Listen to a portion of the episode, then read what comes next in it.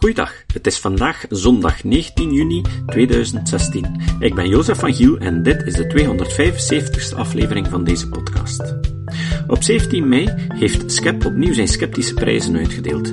De jury besliste dit jaar om de sceptische put niet uit te delen, omdat niemand voldoende zijn best had gedaan. De zesde vijs is wel uitgereikt, maar niet zomaar aan de eerste de beste. Stijn mocht zijn prijs ontvangen omdat hij als milieuactivist na een kritische evaluatie van de wetenschappelijke literatuur rond gentechnologie zijn mening radicaal heeft veranderd nadat hij het bewijsmateriaal zag. Dat is op zich al een stevige prestatie. In dit tweede deel horen jullie van hemzelf hoe hij die ommezwaai gemaakt heeft en welke moeilijkheden hij op die weg heeft tegengekomen. Goed, goedenavond iedereen. Um, alvast uh, dank voor de mensen van Skep om mij deze mooie prijs te gunnen. Um, misschien kan ik iets vertellen hoe ik zelf die periode vorig jaar beleefd heb, wat er eigenlijk precies gebeurd is. Dus het is zo dat um, ik engageer me in heel veel discussies, online, internetforen en zo. Af en toe hoor je dan zo af en toe de stem van ja, je hebt wel bij conservatieve mensen klimaatontkenners, hè, die dus op een pseudo-wetenschappelijke manier niet uh, geloven dat uh, menselijke activiteiten het klimaat beïnvloeden. Maar ja, de milieubeweging, dacht ik dan zo, hè, die, die zijn op alle vlakken wel rationeel, dacht ik. Hè, die, die zijn op alle vlakken goed onderbouwd. Maar dan hoor ik af en toe die stem van nee, ook binnen de milieubeweging onder andere, heb je een pseudo-wetenschappelijke houding. Het bekende voorbeeld daarvan was GGO's. Dus dat was wel een stemmetje dat ik af en toe tegenkwam. Meestal ging ik daar tegenin um, en verkondigde ik eigenlijk de verhalen die de milieubeweging geeft tegen GGO's. Letterlijk die dingen um, vertelt. Ik, was, uh, ik ben bij vele acties betrokken. Um, ik heb nu niet letterlijk GGO's vernield of zoiets. Ik heb wel actie gedaan tegen genetisch gemanipuleerde soja, bonen, Campina, melk, Greenpeace-actie, dat soort zaken. Dus ik had er wel een, een, een zeker engagement in tegen GGO's. Oké, maar dan dacht ik van, Stijn, probeer nu eens eerlijk te zijn voor uzelf. Van, stel nu dat dat waar is. Dat hè, ook progressieve linkse, milieubewuste mensen, dat die ook vatbaar zijn voor bepaalde foutieve denkpatronen of zoiets, dat ze een vertekend beeld kijken naar wetenschap. Dus wat ik gedaan heb, is oké, dan ik zal tijd ehm, besteden, een paar dagen, me een keer verdiepen in dat GGO-verhaal en op voorhand de regels bepalen. Eigenlijk dezelfde regels die ik uh, gebruik als ik in een debat ga met een klimaatontkenners. Dus bij klimaatontkenners, wat doe ik? Ik verwijs naar wetenschappelijke consensus, grote overzichtsstudies, dat soort zaken. Dus ik dacht van, bij de GGO's, ik ga kijken naar meta-analyses, bijvoorbeeld. Toverwoord, meta-analyses, um, zeker onafhankelijke meta-analyses, dus overzichtsstudies. Ik ga kijken naar wat wetenschappelijke instanties zeggen, de Nationale Academies voor Wetenschappen. Ik ga kijken of er een peiling is geweest, een enquête bij wetenschappers. Of je zoiets kunt zeggen van zoveel procent van de wetenschappers onderschrijven de stelling dat GGO's veilig zijn, bijvoorbeeld. Dat soort van dingen ga ik kijken. Dus, en ja, al heel snel kwam ik die meta-analyses tegen, en een vrij indrukwekkende meta-analyse, dat blijkbaar op heel veel criteria goed scoort. En ja, volgens die meta-analyse, dat, begon het al mee van, ik, geloof, ik had geloofd dat um, GGO's meer pesticiden nodig hadden dan gangbare landbouw. Bleek tegenovergesteld te zijn. Voor de arme boeren is GGO's een ramp, dacht ik. Bleek tegenovergestelde te zijn. Uh, vooral voor de armste boeren bleek, die boeren die overschakelen op GGO-landbouw, die hun inkomens tegen het sterkste. Productiviteit, hè, in termen van landgebruik en ontbossing, scoren de GGO-voeding beter dan de gangbare voeding. Dus dat was eigenlijk moeilijk om om te aanvaarden in de zin van, ik kreeg al snel teleurstellingen van, ah, dat, dat is ook weer niet waar en, en dat is ook weer niet waar. En een bekend voorbeeld daarbij, heel concreet, is, je hebt een bekende Indische activiste van Shiva, een vrouw waar ik enorm naar opkeek, opkijk nog deels. Vooral omdat zij veel met mij gemeenschappelijk heeft. Ze, is, uh, ze heeft gedoctoreerd in fysica. Ze is daar met de fysica gestopt om zich te engageren voor de wereld. Dat is hetzelfde wat ik heb gedaan, fysica, en dan stoppen met fysica om mij te engageren voor de wereld. Dus ik had wel feeling met haar. Ze is een bekende activiste, ecofeministe en zo. Dus de radicale ecologiebeweging, daar zit weet te zien. Allemaal goed en wel, maar ik wist van haar natuurlijk ook wel het verhaal van Indische boeren die zelfmoord of zelfdolding plegen door de GGO's. Oké, dan daar ook weer gekeken van, zijn daar studies van die zeggen dat meer zelfdoding is bij Indiase boeren? Nee, blijkbaar niet. Er waren dus al zelfdodingen voor de komst van de GGO's. Er is geen enkel causale verband tussen GGO-landbouw in India en de boerenzelfdodingen.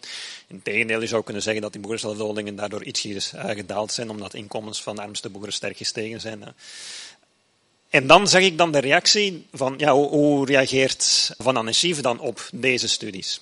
En dat was dan eigenlijk teleurstelling van, dan kreeg ik de, de, de um, pseudowetenschappelijke reacties te horen, zoals bijvoorbeeld, ja, die studies die zijn niet betrouwbaar, want die zijn ofwel gefinancierd door de industrie, ofwel belangenvermenging met de industrie.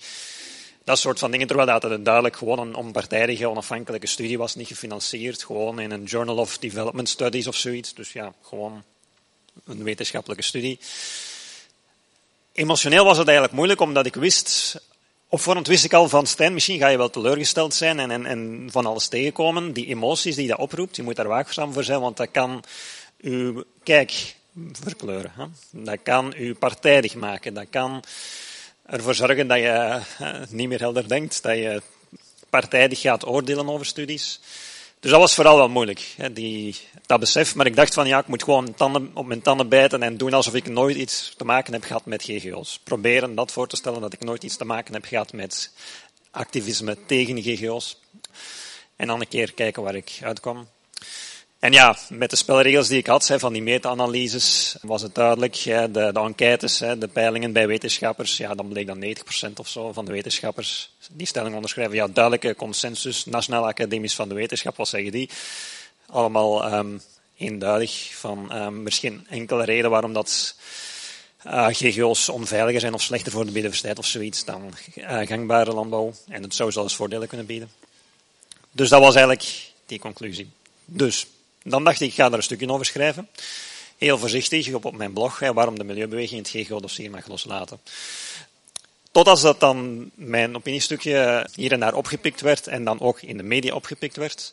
En dan kwam eigenlijk de tweede angst naar boven drijven. Eigenlijk een angst van, oké, nu de media gaan mij zo meteen interviewen en dat gaat hier uh, bekend worden. Stel nu dat de milieubeweging toch gelijk heeft.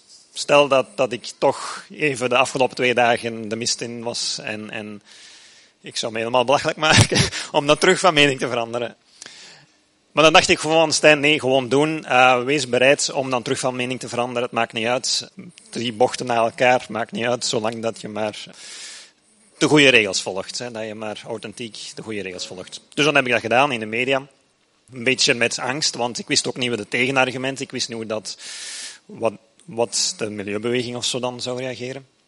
Dan kwam dan de, de derde bezorgdheid meteen ook van, omdat ik zelf midden in die milieubeweging sta. Ik werk bij Ecolife, dus een uh, organisatie hier om de hoek eigenlijk, hè, een uh, Vlaamse VZW. En Ecolife zelf communiceert niets over GGO's, maar is wel deel van de Vlaamse koepel van Milieubeweging, de Bond Beter Leefmilieu. En vanuit die insteek is, ja, onderschrijft dus ook Ecolife de, het gangbare standpunt van de Vlaamse koepel. Hè, dus tegen GGO's, of in de landbouw dan toch. Dus ja, dan begon ik al um, bezorgd te zijn van, ik kan alleen maar benadrukken dat dat GGO-standpunt dat ik heb mijn persoonlijke standpunt is en niet het standpunt van Ecolife, niet het, stand, het standpunt van de andere milieuorganisaties waar ik nog steeds bij betrokken ben. Ik kreeg al wel reacties van, uh, van mensen van je gaat uh, groene vrienden verliezen en zo. Achteraf bekeken viel dat eigenlijk nog mee. Ik, denk, ik heb goede contacten met uh, andere activisten van Greenpeace. Ik heb Daarna ook met de campaigner, de landbouwcampaigner van Greenpeace gesproken. Een heel open, vriendelijk gesprek. Conclusie zoiets als let's agree to disagree. Hè. Maar eigenlijk geen, geen vroeging of zo, toch niet gevoeld. Ik ben nog altijd activist bij Greenpeace. Ik steun de huidige landbouwcampagne van Greenpeace. Ik heb het woordje GGO in die campagne nog niet gevonden, dus vandaar dat ik die campagne nog durf te steunen. het zou kunnen dat ik ergens iets um, gemist heb in een communicatie of zo. Mijn boodschap was, is eigenlijk ook wel naar die milieubeweging toe van En dat heb ik dan ook gezegd aan, aan de eh, campagne bijvoorbeeld van schrap gewoon het woordje GGO uit uw communicatie en kijk dan of uw verhaal of uw campagne zinnig is, of uw campagne steekhoudt. Als je een verhaal vertelt over pesticiden, oké, okay, vertel dan iets over pesticiden, hè, maar dan niet over GGO's. Als het gaat over patenten, over monoculturen, over monopolies, communiceer daarover, maar schrap het woordje GGO. Hè. Als je ziet dat als je het woordje GGO schrapt en uw campagne houdt geen steek meer, dan weet je dat je eigenlijk puur om, tegen de GGO op zich bent. Hè. En dat lijkt me irrationeel. Hè. Dus je kunt dan tegen pesticidengebruik zijn, maar dan moet je niet de GGO's gaan viseren als de GGO's iets minder pesticiden gebruiken dan gangbare landbouw. Kun je even gewoon tegen de pesticidenlandbouw zijn. Dus um, dat was eigenlijk de, de eerste belangrijk, belangrijke boodschap tegen, naar de milieubeweging toe.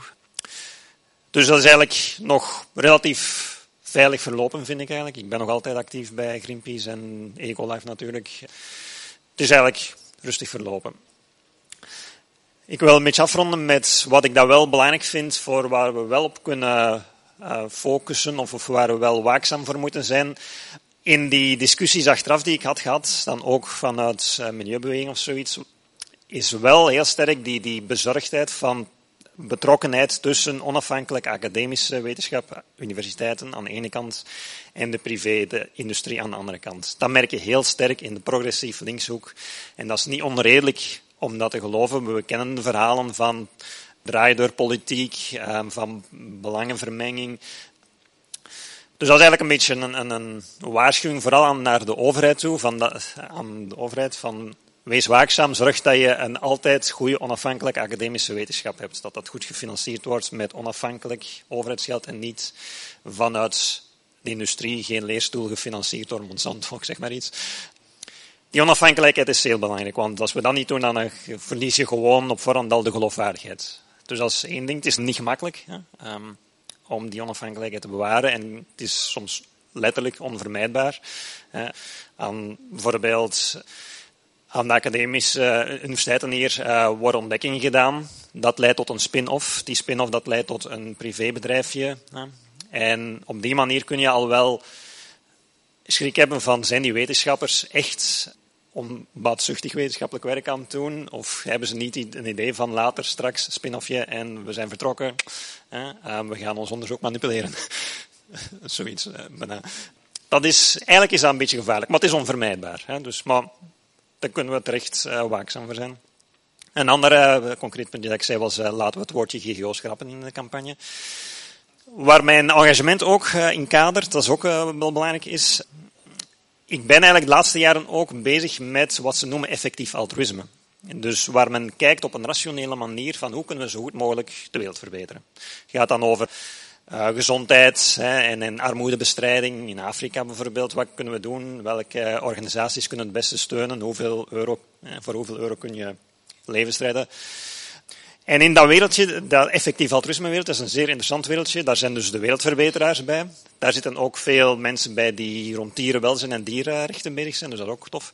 En daar zitten eigenlijk ook rationeel kritisch denkende wetenschappelijke sceptici bij. Dus die denken echt aan, laten we, zoals in de geneeskunde, randomized control trials doen in Afrika om te kijken welke interventies echt werken voor gezondheid en armoedebestrijding. Ja. Laten we eh, kijken, eh, meetanalyse doen, laten we gewoon eh, dat soort van zaken de wetenschappelijke aanpak doorvoeren daar. Dus die, die, die zijn bezig met hoe kunnen we zo effectief mogelijk zoveel goed, goeds doen. In, in dat wereldje heb je dan ook zoiets van, en hoe zit het dan met bijvoorbeeld uh, het milieu? Hoe kun je dan zo goed mogelijk iets voor het milieu doen? Wat kunnen de milieuorganisaties zelf effectief doen om de wereld te verbeteren? Hè? Is de campagnes tegen GGO's, zijn die wel effectief om de wereld te verbeteren? Um, of kunnen we niet iets belangrijkers doen? En als het op dat vlak gaat, dan, dan denk ik dat het nu zeer duidelijk is. Ten eerste, vergeet het verhaal van GGO, laten we dat vallen. Laten we dat woordje GGO in de campagne schrappen. En laten we eigenlijk gewoon veel meer focussen op een, eigenlijk mijn stokpaardje ondertussen geworden, de veeteelt en visserij. Dus de dierlijke producten. Niet alleen, het gaat hier niet over dierenrechten en dierenwelzijn. Dat is natuurlijk een duidelijke reden om die veeteelt aan te pakken. Maar puur vanuit het milieu bekeken. Als al die bezorgdheden die we hadden tegen GGO's en die niet gefundeerd zijn bij de GGO's. Die zien we duidelijk wel bij veeteelt.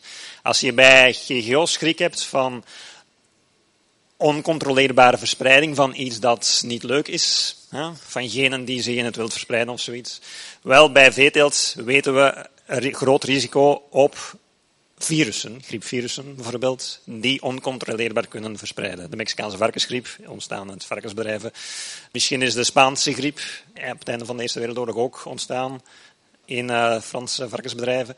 Dus we weten, die griepvirussen, ja, dat is van het veeteelt, dat is een serieus risico. Dat kan een pandemie vormen en dat is per definitie een oncontroleerbare verspreiding.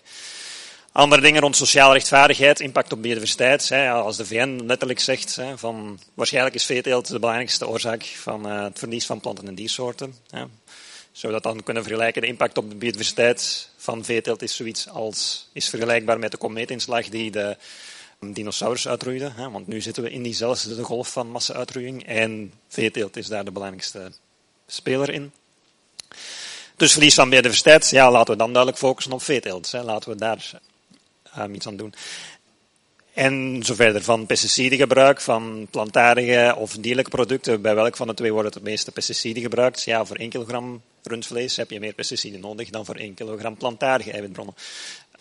En zo kun je al die argumenten van GGO's letterlijk toepassen op veeteelt. Sociale wantoestanden, noem maar op. Daar kan ik verhalen van vertellen, van hoe dat het zit met in Zuid-Amerika, de, eh, grote veevoederplantages en wat er gebeurt met die lokale bevolking.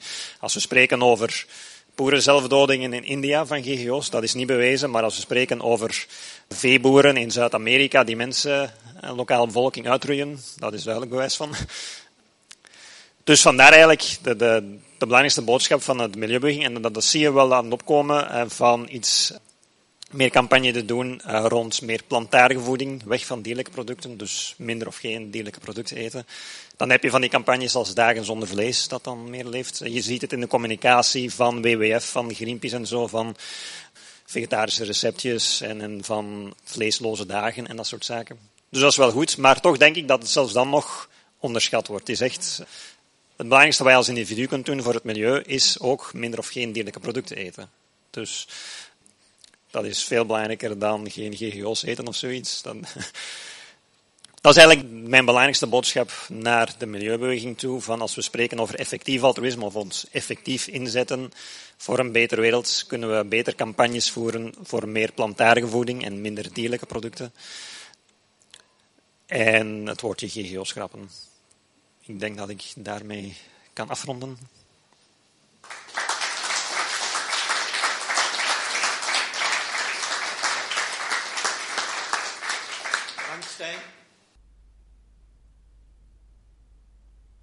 Zo, en volgende keer horen jullie de vragen die het publiek aan hem stelden en zijn antwoorden. Het citaat. Het citaat van vandaag is van Rob Briner. Rob Briner is een professor in de organisationele psychologie aan de Management School van Bath. Hij houdt zich specifiek bezig met het onderzoek naar het verband tussen werkomstandigheden en welzijn. Briner zei: We zijn allemaal een beetje evidence-based. Maar zijn we genoeg evidence-based? Om deze vraag te beantwoorden, moeten we begrijpen wat evidence-based echt betekent. Een algemene betekenis van evidence-based practice is dat het gewetensvol, expliciet en oordeelkundig gebruik is van verschillende bronnen van informatie. Gewetensvol betekent dat je echt probeert en inspanningen doet. Expliciet betekent dat je de informatie waarmee je werkt neerschrijft, registreert en bediscuteert eerder dan het in je hoofd te houden als iets dat je gewoon weet. Of iets dat je hoorde, Oordeelkundig betekent dat je kritische beoordelingen maakt over de betrouwbaarheid van het bewijsmateriaal en dus van de mate waarin je het zou moeten vertrouwen en gebruiken. Tot de volgende keer. Deze podcast is het resultaat van het werk van veel mensen. Rick de Laat verbetert bijna al mijn teksten en maakt de meeste vertalingen. Emiel Dingemans verzorgt onze website en Facebookpagina. Ook Leon Korteweg en Stefan Sutens schrijven, vertalen of verbeteren soms artikelen. Leon onderhoudt bovendien het YouTube-kanaal van deze podcast.